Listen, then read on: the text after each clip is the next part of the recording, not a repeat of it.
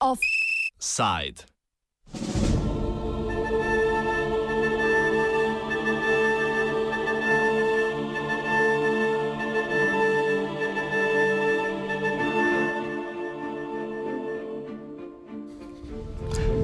Duhovi mrtvih hodijo med nami tudi že pred 1. novembrom. To povzroča težave sploh v kraljevini Španiji, kjer je mrtvi fašistični diktator general Franco ponovno v središču pozornosti.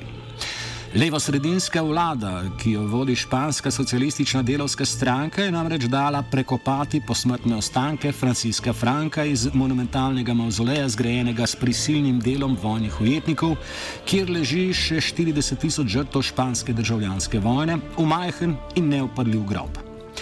Frankovi potomci so prekopu sicer nasprotovali tudi na sodišču, mogoče je bil šele, ko ga je odobrilo špansko vrhovno sodišče. Na prekopu, ki se je sicer zgodil v ožjem družinskem krogu in kamor novinarjem niso dovolili, je bila prisotna tudi pravosodna ministrica.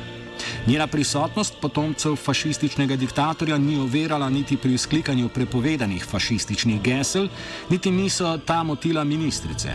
Prekopu je pred mauzolejem nasprotovalo nekaj sto protestnikov, tudi ti niso skoparili s fašističnimi pozdravi.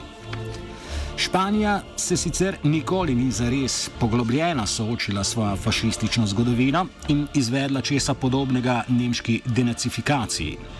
Ob poskusih odcepitve Katalonije je tako več tisoč španskih nacionalistov korakalo po ulicah Madrida ob prepevanju falangističnih pesmi in izvajanju fašističnih pozdravov.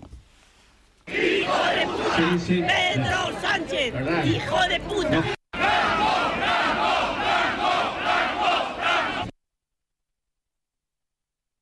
Španski novinar Alejandro López de Miguel eh, je pojasnil, kakšno je splošno javno mnenje glede Frankovega prekopa. I don't think it's a, a strong position helping the or supporting the fascist ideas or idea or fascist ways of understanding life. But uh, in any case, the, it's true that uh, as the dictatorship uh, just ended 44 years ago, we still have many democratic things to do and many democratic things to review. So uh, I will say that most of the uh, Spanish population will support Franco's exhumation and the fact that he is being buried right now in, in another way. The, the problem of this new way is that he is now being buried in a public place, the a public property uh, cemetery. After after all of what happened, after what Franco has been, he's still having this kind of privileges. Anyway, I think the the majority of the society will support it, and uh, I will say that just a few a few forces of the left, of the right, uh, the, the ultra right forces have uh, complained and criticized the fact of moving Franco. Tudi v Španiji je sprava fašizma in antifašizma osrednja politična tema. Pedro Sánchez si od svoje zasedbe premijerske funkcije prizadeva, da bi iz fašističnega monumenta naredili spomenik vsem žrtvam krvave državljanske vojne, ki se je začela, ko so fašisti izvedli državni udar proti demokratično izvoljeni vladi Leve ljudske fronte. Demiguel komentira namere o preobrazbi monumentalnega mauzoleja. We, we still don't have many ideas uh, when Pedro Sánchez uh, came uh, to the power, came to the Palace of La Moncloa as a president of the government, he first said that he will change the, the way of this monument and uh, he will try to make it a, a, kind of a reconciliation place or a kind of mausoleum for all of the victims, um, for helping, for showing the history like it was now, not like it has been before. We have to remember that.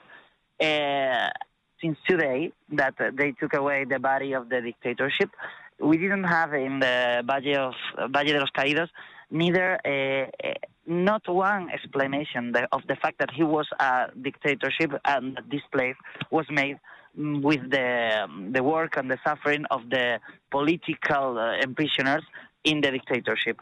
This is a fact. So we still don't know. There are there have been many proposals.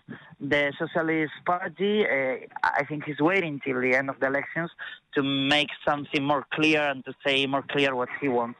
We, we will have to wait, but for the moment, it's an amazing step and a necessary step. We will we will be able to to open it later. Um, maybe we will have to take out uh, of the Valle de los Caídos another bodies like the one of Primo de Rivera, another ones that should not be there, but uh, this will be a second step.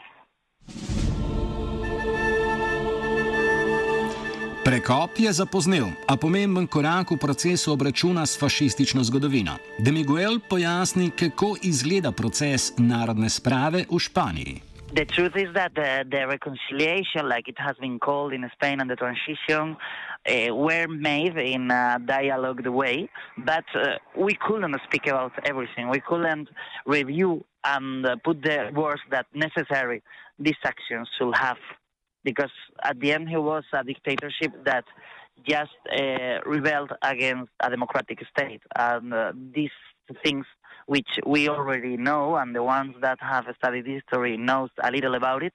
Uh, we, we still have to repeat them. Um, people is uh, mistaking, in my opinion, the fact of uh, closing the scars with the other one of uh, don't calling the things by their name and not making memory. So right now we still have many things to do.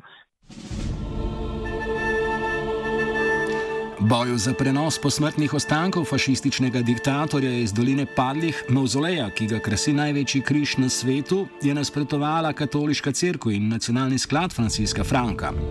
Boj za preko, prekop povzame Demigel. We have been fighting one year.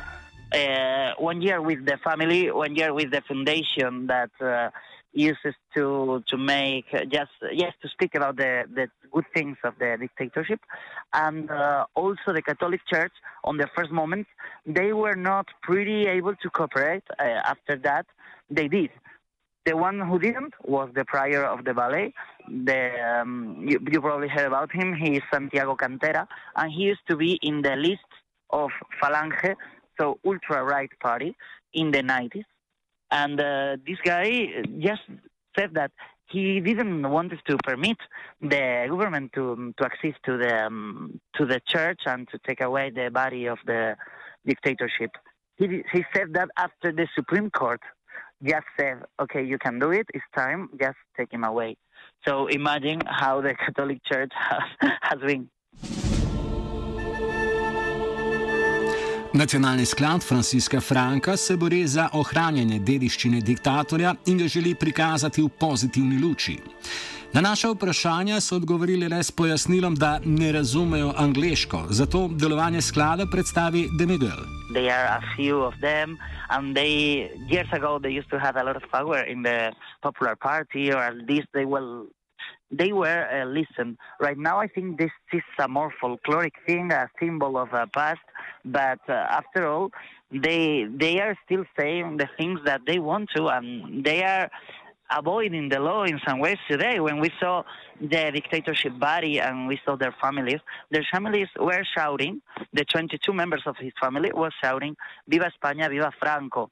This is something that the law absolutely banned. And after all, they were they were able to do it in front of the minister minister of justice. So they are still defying the law in many in many places and, and examples. Unfortunately, um, they they still can do it, but the truth is that they can't influence so much the the politics right now. They are many, uh, let's say people who support them in some statements, maybe in the in the justice statement or in others, but they are not able to to move or to include in the agenda of every day.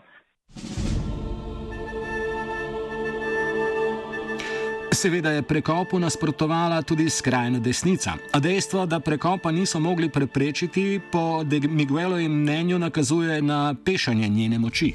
The ultra-right party uh, said that this was this was something wrong, or the PP, the Popular Party, didn't want to speak about it and just said forget the past. But um, they were not supporting the Francos as they were before. it's, it's true that if the Popular Party will will have uh, helped the Democrats to do this that we have done today, to take away the body of the dictatorship, we could have done it before. But uh, after after what we have seen today, it's clear that the ultra right and the friends of the dictatorship doesn't have the power that they used to have before. Pedro Sančezu so sicer mnogi očitali, da je prekop izpeljal tik pred parlamentarnimi volitvami, ki bodo 10. novembra in da gre torej za predvolilno potezo. Da mi Gueld pojasni, da je za datum krivo predvsem nasprotovanje frankistov, zaradi katerih je bil prekop mogoče le po sodbi vrhovnega sodišča.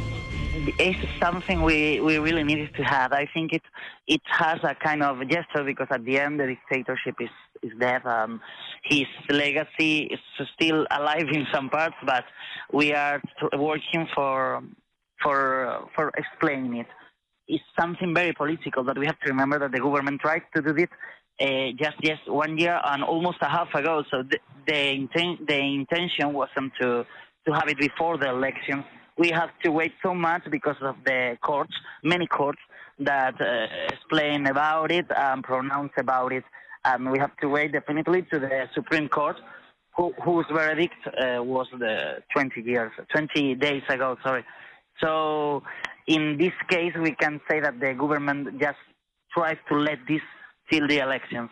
But I will also say that they use it as an election item or topic to, yes, to help them regarding to the elections.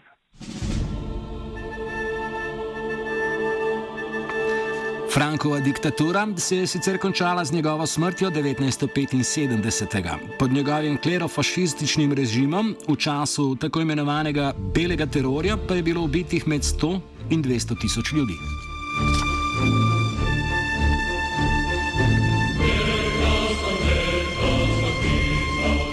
Ostanke španske državljanske vojne je razkopaval Mirt.